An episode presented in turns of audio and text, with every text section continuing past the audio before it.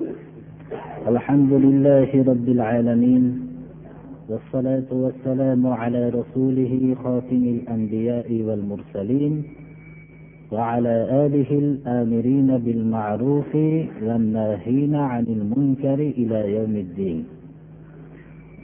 أما بعد السلام عليكم ورحمة الله.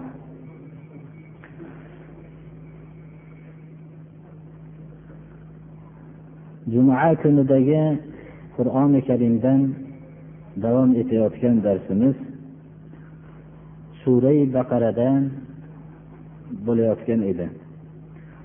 Surai baqaraning avvalida alloh subhanahu va taolo odamlarning uch toifasini zikr qilib birinchi qismi ollohga sig'ingan xudoni hukmiga bo'ysungan muttaqillarni zikr qilingan edi va ularning hayotdagi belgilarini bizlarga bayon qilgan edi.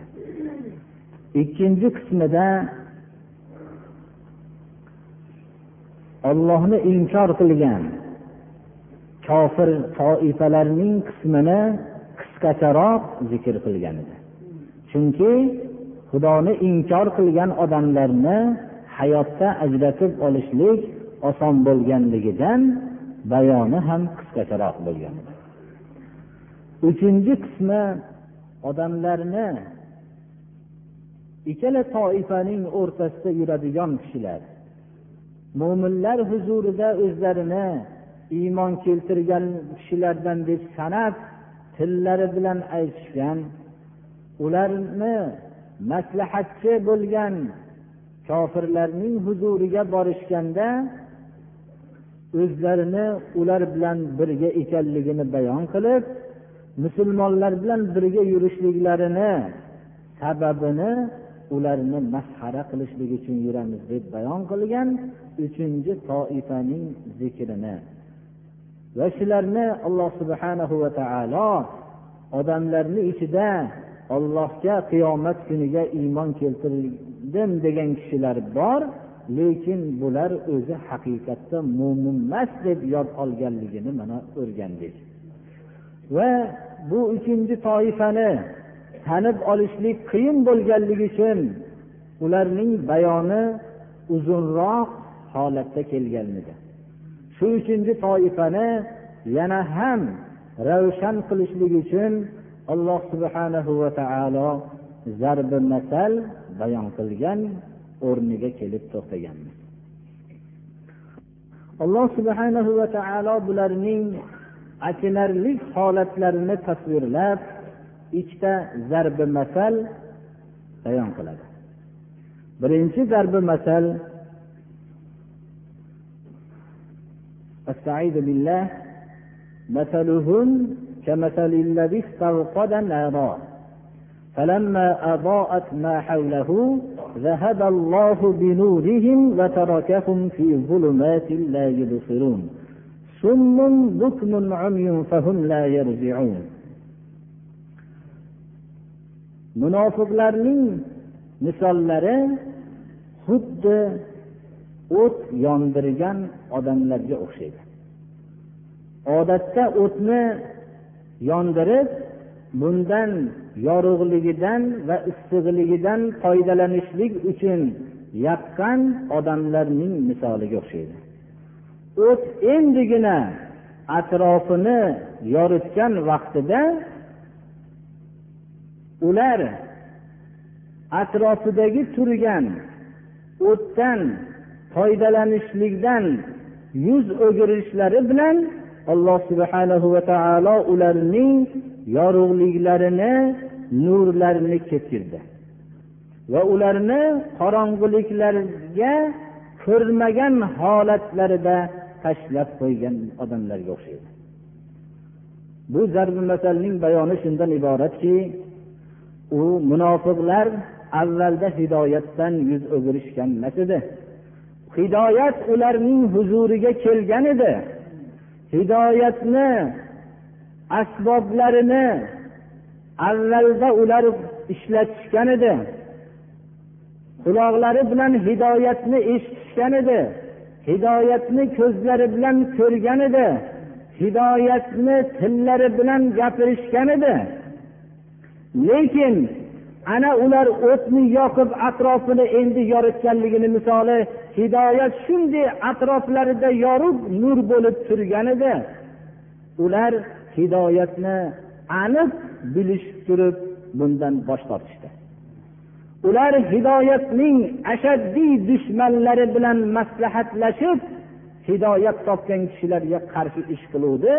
Alloh subhanahu va taolo ularning atroflarida nur sochib turgan hidoyat nurini ketkazdi ulardan ularni mahrum qilib qo'ydi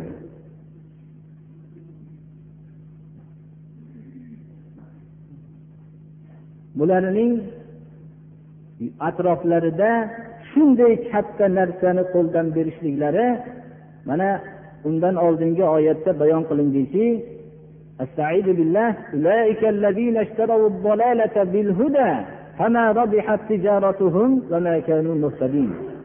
bu haqiqiy bu munofiqlar zalolatni sotib olishganlar hidoyatning muqobilasiga hidoyatni berishib atroflariga kelgan hidoyatni berishib zalolatni sotib olishdilar. Odatda savdodadan maqsad foyda bo'ladi. Dasmoyani saqlab qolish va shunga qo'shimcha foyda qilishlik bo'ladi. Bularning hatto shunchalik zarar topishdilarki qo'llarida dastmoya bo'lib turgan hidoyatni ham boy berishdilar ular.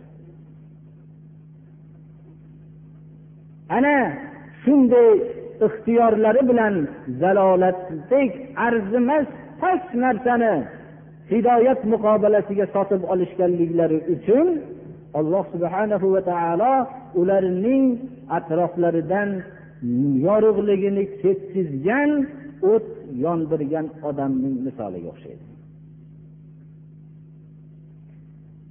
Ba'zi mufassir ulamolar bu zarbi masalni o't yondirgan misoliga o'xshaydi deb munofiqlarning tamsil berishlikdan munofiqlar fitna o'tlarini adovat o'tlarini yondirgan odamlarga o'xshaydi. Endi bu fitnani kuchaytirib adovatni musulmonlarning o'rtasini adovat solishlik uchun shunday harakat qilayotgan vaqtda alloh subhanahu va taolo ularning o'tini o'chirib qo'ygan odamlarga o'xshaydi degan mazmun ham berishgan ekanlar. Bu ham har bir musulmonlar o'rtasida adovatni yondirmoqchi bo'lgan fitna o'tlarini yondirmoqchi bo'lgan kishilarning albatta alloh subhana va taolo ularning o'tlarini o'chirib qo'yadi.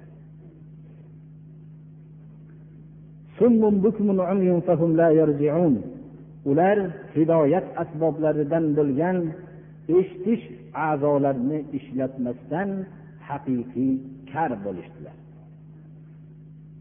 Hidoyat asbobidan bo'lgan tillarini ishlatib haqni so'zlamaslik bilan gung bo'lishdilar.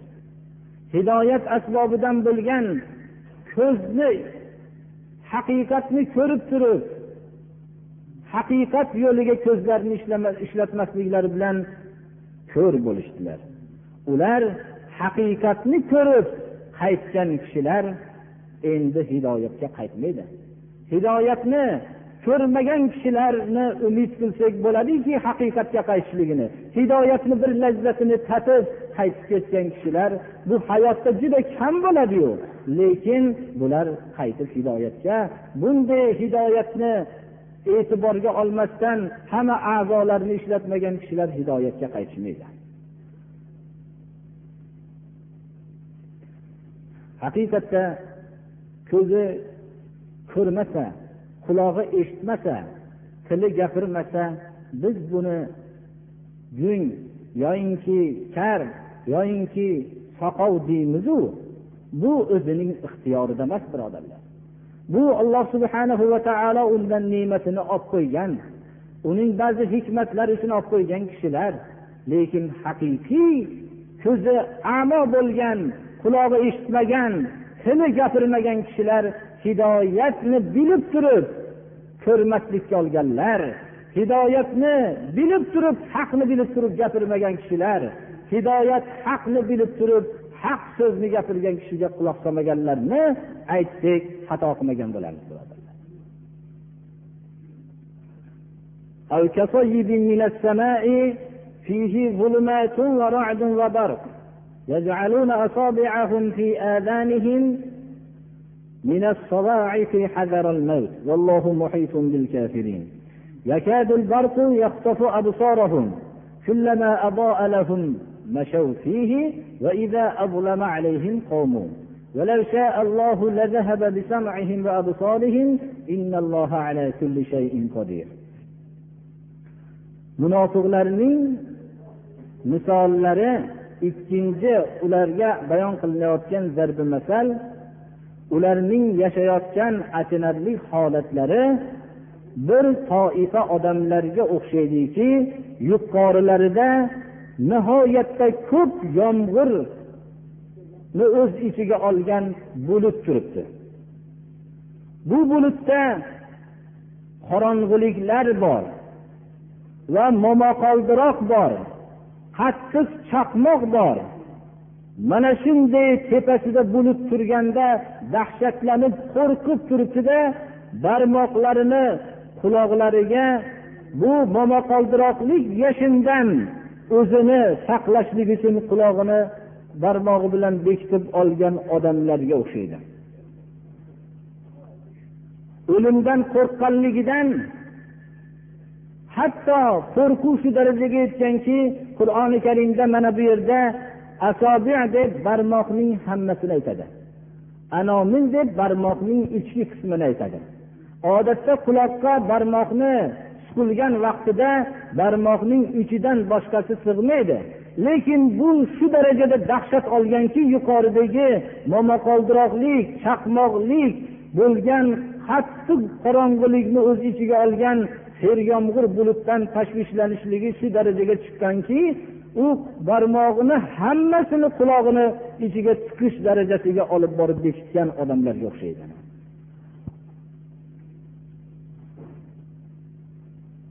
Olloh kofirlarni qamrab ihota qiluvchidir. Ular ollohning azobidan qutula olishmaydilar. Chaqmoqning qattiqligi shu darajadaki chaqmoq ularning ko'zlarini o'yib olishlikka yaqin bo'ladigan darajada chaqmoq esayotgan holat. Qachonki chaqmoq yorug'lik bergan vaqtida jinday bo'lsa ham yurib olishadilar. Qorong'ulik qilganda tek turib qolishadilar. Agar olloh xohlasa ularning quloqlarini ko'zlarini momaqoldiroqni kuchaytirib quloqlarini ketkazishlikka qodir. Momaqoldiroq ovozi bilan ko'zlarini chaqmoq nurini kuchaytirib ko'zlarini ham ketkazishlikka qodir. Olloh har bir narsaga qodir zotdir ana munofiqlarning xalqlarga oshkor gapirolmasdan yashayotgan holatlarini misoli shunga o'xshaydiki ular shunday tashvish bilan yashayotgan ana shunday yomg'irli kunda momaqoldiroqlik va chaqmoq esib chaqmoq chalib turgan soatda juda ham dahshat o'rnida turib yurib yorug'lik bo'lsa yurib bo'lmasam yurolmay turgan odamlarning holatlari qanchalik achinarli bo'lsa ularning hayotni o'tkazishayotganliklari xuddi shundan farq qilmaydigan holatga o'xshaydi deydi alloh taolo. Ba'zi mufassirlar yana shuni aytishgan ekanlarki bu seryomg'ir bulutni turishligi islom bulutiga o'xshaydi. Islom har bir qalblarga o'zining barakotini bag'ishlashlik bilan uyg'otganga o'xshagan mana yomg'irlar ham yerga o'zining barakoti bilan yerni uyg'otadi. Bundagi zulmot islom bulutini oldida yurgan kofirlarning misoli ana bu bulutdagi qorong'iliklar aralashib yurganiga o'xshaydi. Bu bulutdan bo'layotgan iymon keltirmagan ollohga unamagan payg'ambar sollallohu alayhi vasallamga unamagan u kishini olib kelgan yo'llarni qabul qilmaganlarga islom tarafidan aytilingan vaidlarning ta'siri shunday guldiroz urib turgan momaqoldiroqning ta'siriga o'xshaydi.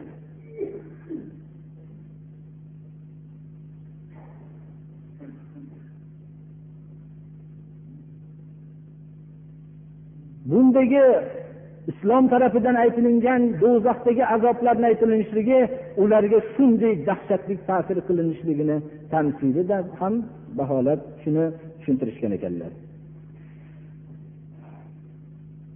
Ana munofiqlarning achinarli holatlarini ikkita zarbi masalda qur'oni karimda bayon qilindi alloh subhanahu va taolo uch toifani zikr qilgandan keyin umumiy odamlarga xitob qilib يا أيها الناس اعبدوا ربكم الذي خلقكم والذين من قبلكم لعلكم تتقون ey odamlar sizlarni va sizlardan ilgarigi odamlarni yaratgan rabbiylarga tarbiyat kunandaylarga ibodat qilinglar Shunda sizlar agar o'zinglarni va o'zinglardan ilgarigi kishilarni yaratgan tarbiyat kunandaga haqiqiy ibodat qilsanglar qur'oni karimda aytilingan birinchi toifa bo'lgan muttaqullardan bo'lishliginglar mumkin shunda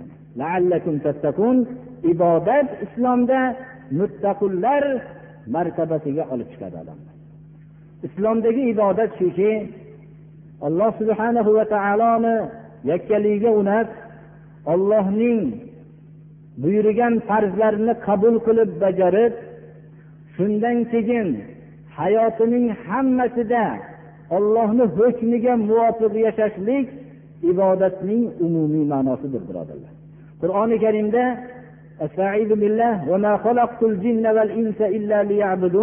inson va jin toifasini men faqat o'zimgagina ibodat qilishlik uchun yaratdim deydi alloh taolo. Ibodat hayotning har bir muomalasida hatto odamlarga ko'ringan dunyoviy ishlarda ollohni hukmiga muvofiq yashashlik bu ibodatning keng ma'nosidir. Agar siz odamlar bilan muomala qilsangiz odamlar bilan bo'lgan muomalada yolg'on gapirmasangiz olloh subhanahu va taolo yolg'ondan qaytarganligi uchun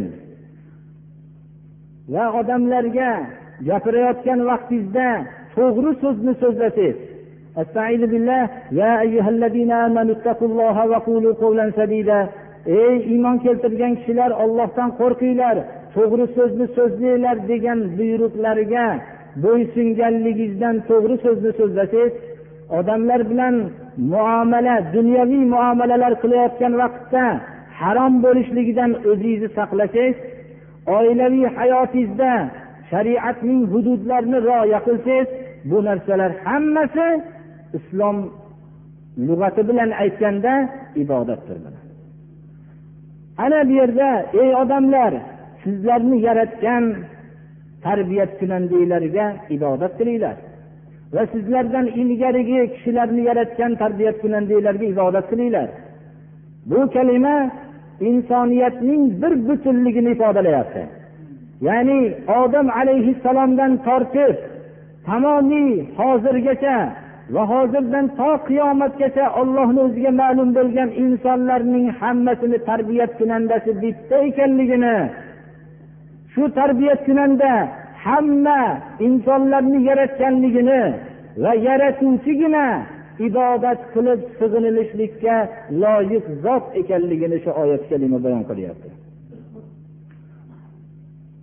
Ibodat qilinglar rabbiylarga ki sizlarga yerni to'shalgan ostinglarga bir to'shalgan yumshoq bir narsa solinganda rohatlanib xotirjam o'tiradigan bo'lgandek qilib sizlarga yerni shunday qilib qo'ydi. Osmonni mustahkam bir bino qilib qo'ydi. Va bu osmondan sizlarga suv tushirdi. Bu suv bilan mevalarning turli tumanlarini chiqarib berdi. Nima uchun? Sizlarga rizq bo'lishligi uchun. Alloh subhanahu va taolo qur'oni karimda yerni qarorgoh qilganligini zikri osmonni mustahkam bir bino qilganligini zikri ko'p keladi. Yer bizni nihoyat darajada tez harakatlanishligiga qaramasdan biz uni sezmaydigan qilib qarorgoh qilib qo'yishligi alloh subhanahu va taolo tarafidan bizga juda ham katta ne'matki agar yer hozirgi turgan muvozanatiga havoga zarracha putur yetsa yerda hayot bo'lmasligini mana hammamiz bilib turibmiz alloh subhanahu va taolo osmondan suv tushirdi. Bu suvni ho yomg'ir holatida tushirib yer bilan aralashtirilib birdaniga bevosita o'simliklarni undirgan bo'lsin. Ho anhor qilib oqizgan bo'lsin. Ho bizlar foydalanib ichadigan katta ko'llar qilgan bo'lsin. Ho yer ostidagi suvlar qilgan bo'lsin. U suvlar chashma shaklida bizga otilib chiqayotgan bo'lsin.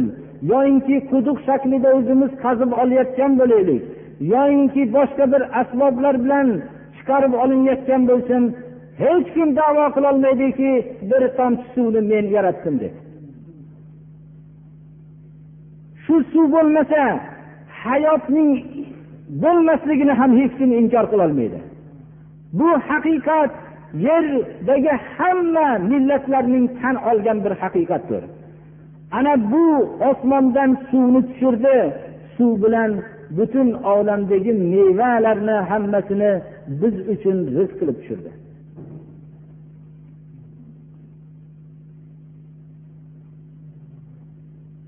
sadiy sheroziy aytadilarki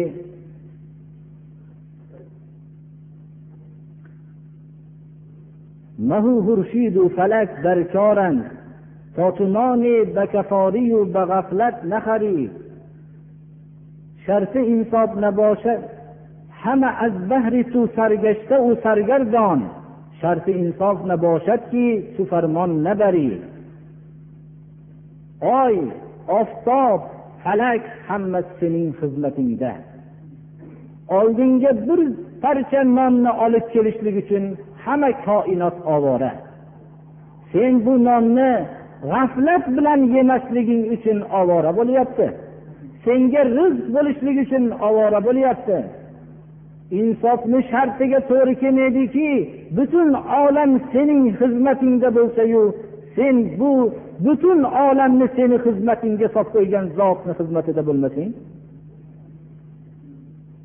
Ana bu narsalar hammasi sizlarga rizq bo'lishligi uchun. Alloh subhanahu va taoloning marhamati olamdagi hamma narsani faqat mo'minlargagina rizq bo'lishligini xohlamadi. Mo'min kofir munofiq hammasiga rizq bo'lishligini xohladi. Shunchalik olamni koinotni hammasini sizlarning xizmatinglarga solib qo'ygan ollohga sharik isbot qilmanglar. Bu kelayotgan marhamatlarni boshqa shurakolarga butlarga boshqa o'rinlarga nisbatlamanglar. Ollohga sharik isbot qilmanglar o'zinglar bilib turgan holatinglarda. Mana aytib o'tdik birodarlar olamdagi rizqni birontasini vujudga kelishligidan meni hissam bor deb hech qaysi musulmonu kofiru munofiq birontasi aytmaydi.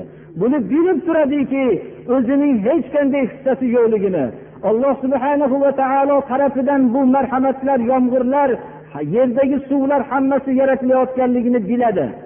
Bilib turgan holatinglarda bu ollohga shariklar isbot qilmanglar.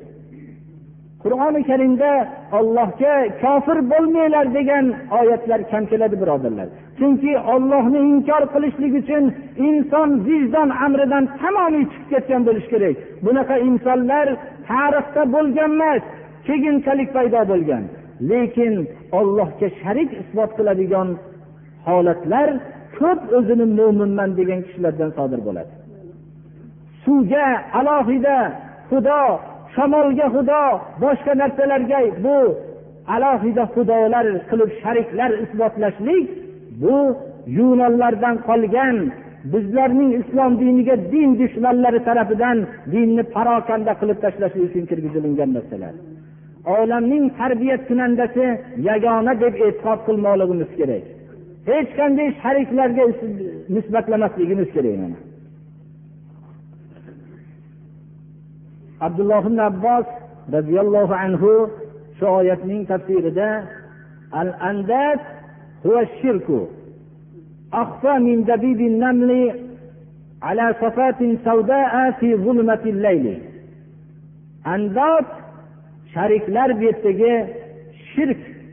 Bu shirk qorong'i kechada ya'ni kechaning zulmatli qorong'iligida qora toshning silliq qora tosh ustida ketayotgan qora qumursqadan ham maxfiyroq degan ekan. Shirk insonning qalbiga kirib kelayotganligini o'zi sezmay qoladi. Janobi rasululloh sollallohu alayhi vasallamning huzurlariga bir kishi kelib xudo xohlasa siz xohlasangiz shu ish bo'ladi dedi. Shunda aytdilarki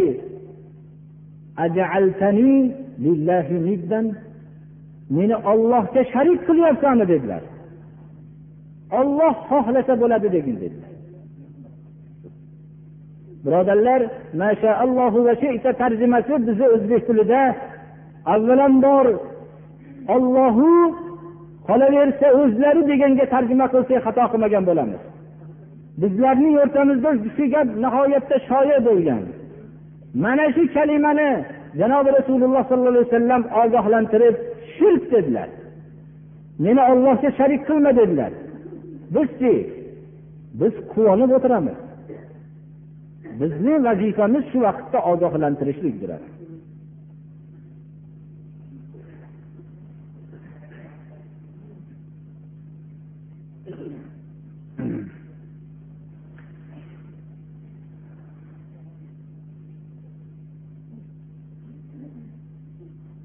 ramazoni sharif alhamdulillahi robbil alamin yaqin kelyaptilar.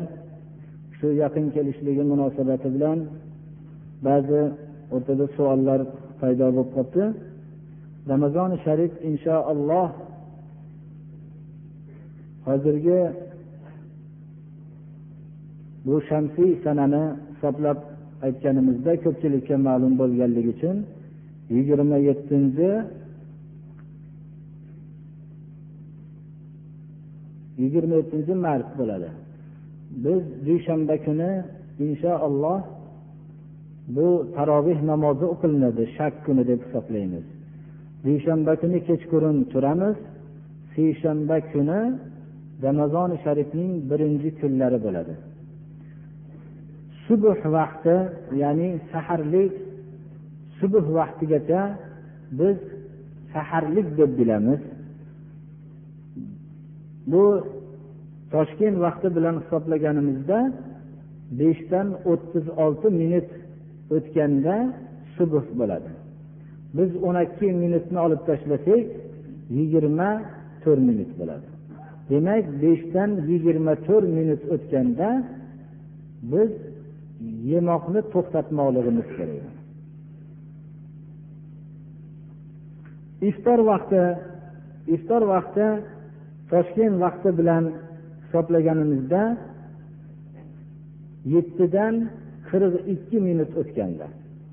o'n ikki minut ilgari biz iftor qilamiz yetti yarim bo'ladi. Lekin shuni biz ogohlantirib qo'yishimiz kerakki har bir kishi o'zini soatiga qarabgina yurmasligi kerak. Bu shu to'g'ri soat hisobida bo'lishi kerak. Iftorda nihoyatda barvaqt ochishlikka harakat qilishlik bilan birga ehtiyot ham bo'lmoqligi kerak. Ramazoni sharif haqida inshaalloh ro'za kunlarida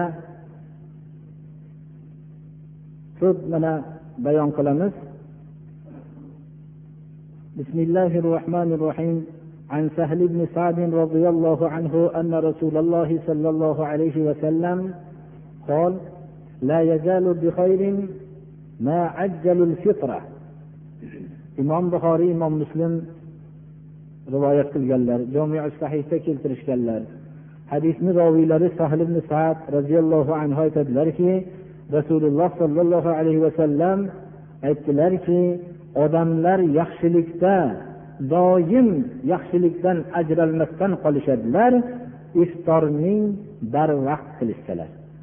Avvalgi vaqtida iftor qilishsalar.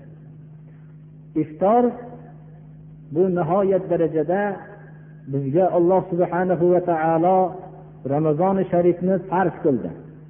Farz qilganda biz ollohni hukmiga bo'ysunib ertamandan ma'lum bir vaqtdan yeyishni va ichishni va boshqa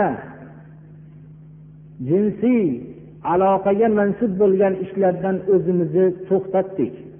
Iftor vaqtida shunda alloh subhanahu va taoloni buyrug'iga muvofiq yeyishlikka qo'l uzatishligimiz olloh buyrug'ini bajarib ertamanda to'xtatganimizga o'xshagan buyruqni bajarib iftor vaqtida yeyishligimizdan alloh subhana va taolo ko'p rozi bo'lar ekan.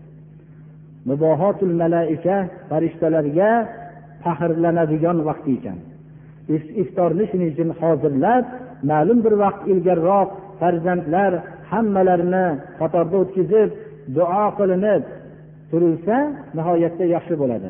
Abdulloh ibn umar roziyallohu anhu iftor vaqtida duo ijobat deb farzandlarini hammalarini o'tirib duo qilar ekanlar.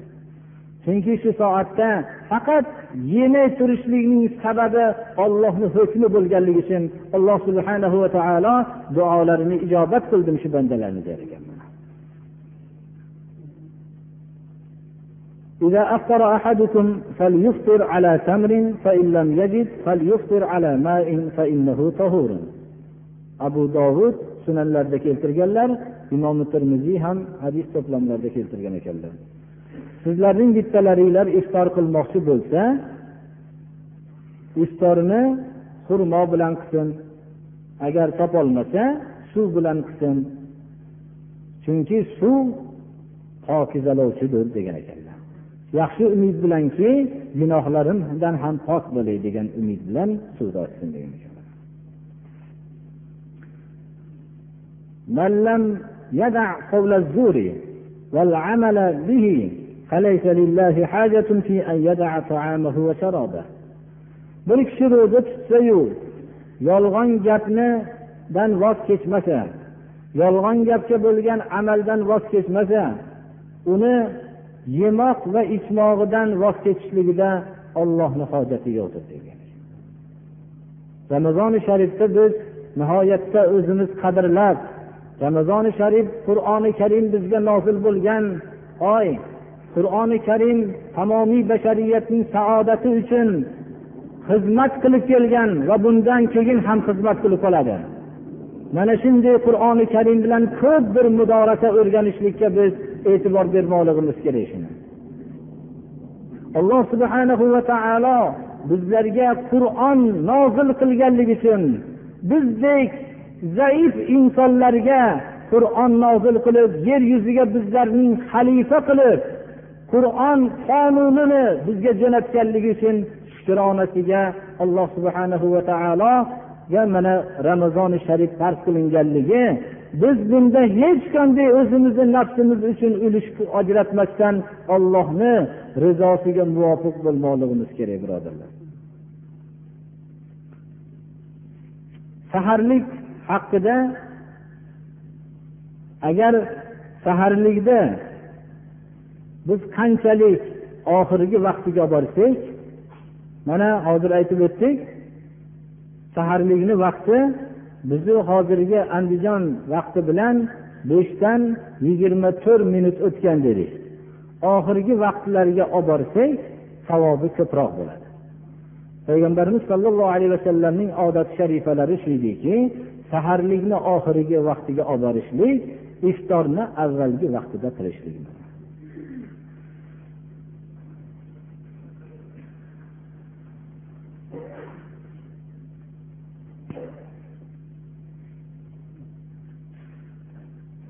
yana ba'zi savollar bo'libdi. Ramazon sharifda inshaalloh jome madrasa masjidi ham boshqa masjidlar qatori qur'oni karimni baqadri hol inshaalloh hatmi qilinadi. Shak kunidan boshlanadi. Shak kuni mana dushanba kuni bir o'n kunlik bo'lsa kerak vallohu alam. استعيذ بالله شهر رمضان الذي أنزل فيه القرآن هدى للناس وبينات من الهدى والفرقان ramazon sharif oyi alloh subhanahu va taolo tarafidan qur'on nozil qilingan oy umar ibn hattob mana davrida taroveh namozi mashru bo'ldi rasululloh sollallohu alayhi vasallam tarovehni o'zlari o'qidilar jamoat bilan o'qimasliklarining siri qo'rqdilarki agar jamoat bilan o'qisam farq qilinib qolsa keyingi ummatlarga qiyin bo'lib qolishligidan deb qo'rqdilar. Umar ibn hattob o'zlarining davrlarida rasululloh sollallohu alayhi vasallam vafotlaridan keyin ubay ibn kab qorilarning eng ustozini jamlab bu kishi jamoat bilan tarovehni mashru qildilar ashoblar qur'ondan ko'proq o'qishga tarovehda harakat qilishar ekanlar. Qur'oni karimni keyingi ulamolarimiz hatmini sunnat deb bir yilda bir marta hatmi qilishlikni sunnat deyishdilar. Buning sababi alloh rozi bo'lsin hammalaridan har xil ishlar bilan yurib xalqlar qur'ondagi hukmlarni esdan chiqarib qo'yishmasin. Ramazoni sharifda hech bo'lmaganda bir marta qur'ondagi hukmlarni hammasini eshitib yana hayotlarida dovdiraydigan holatda bo'lishib qolmasinlar deb mashru qilishdilar. Endi musulmon birodarlar bir o'zimizni holatimizga qaraylik. Biz qur'onni o'qiyotganda ana shunday maqsadda o'qiyolmaymizmi biz qur'onning ruhidan juda chetda qoldik. Qur'onni bilmay qoldik. Shuning uchun ana shu alloh rozi bo'lsin fuqarolarimizni maqsadlarini biz poymol qilmasligimiz kerakki biz shuni harakat qilib qur'onni bilishlikka ko'p kirishmoqligimiz kerak shu ramazoni shariflarda biz ana shu fuqarolarning umidini ro'yobga chiqarishlikka muvaffaq bo'laylik.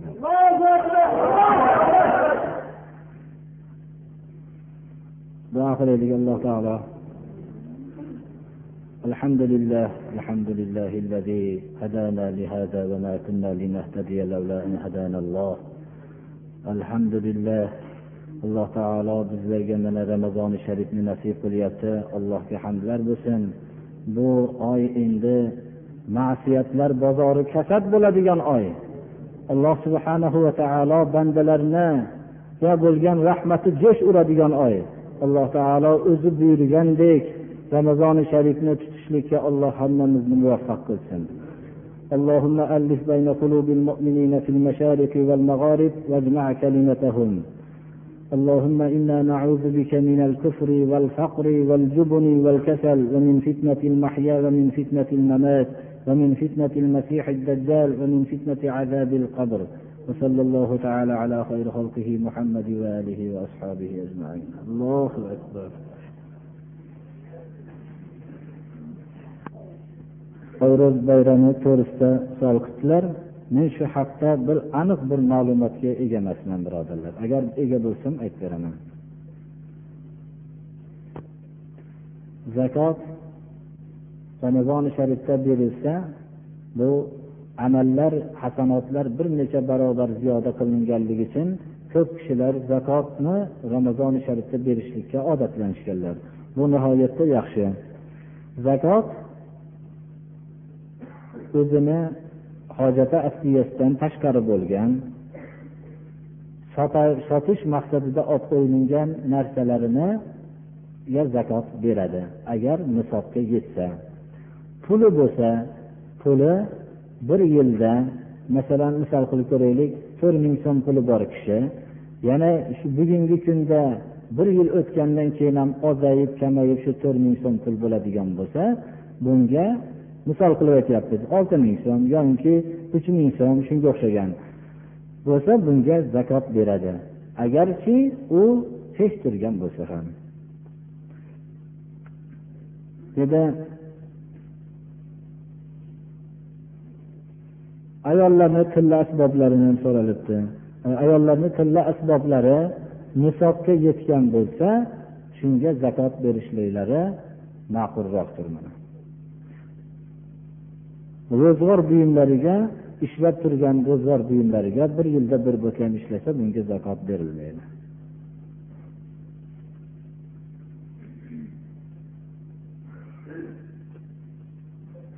Bu yerda bir savol bo'libdi biz shuni yaxshi tushunolmayapmiz. Yosh bolani chillasi haqida ma'lumot bersangiz debdi. Bu shuni tushunarli narsa qirq kun bolani ehtiyot qilib turishlik u bir hayotda bir havo boshqa narsa bilan nima qilmaganligi uchun ehtiyot bo'lib turishlik bu shuning uchun xolos bir bir ba'zi shabadalanib qolish boshqa narsalardan ehtiyot qilinadi.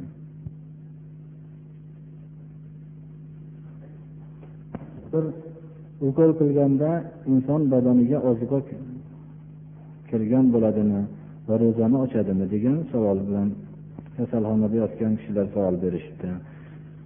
Agar dori maqsadida davolanish maqsadida bo'lsa bu ro'zani ochmaydi. Lekin ozuqa bo'ladigan maqsadida bo'lsa shu bilan oziqlanib ovqat yemay tursa ham shu kifoya qiladigan vazifani bo'lsa mana oziqa ukollari bor bu bilan ro'za ochiladi deb men shunday deb e'tiqod qilaman. Bittalari operatsiya qilinadigan shunaqa duo qiling dedilar. Alloh taolo hammalarini maqsadlarini ham alloh kasallarga shifo bersin. Bu hozirgi og'ir ahvoldagi alloh taolo yengillik ato qilsin. Boshqa hammalarni ham alloh taolo ibodatlarini qabul qilsin. Bu kelajak amallarda alloh taolo to'g'ri yo'lga hammamizni tavfiq bersin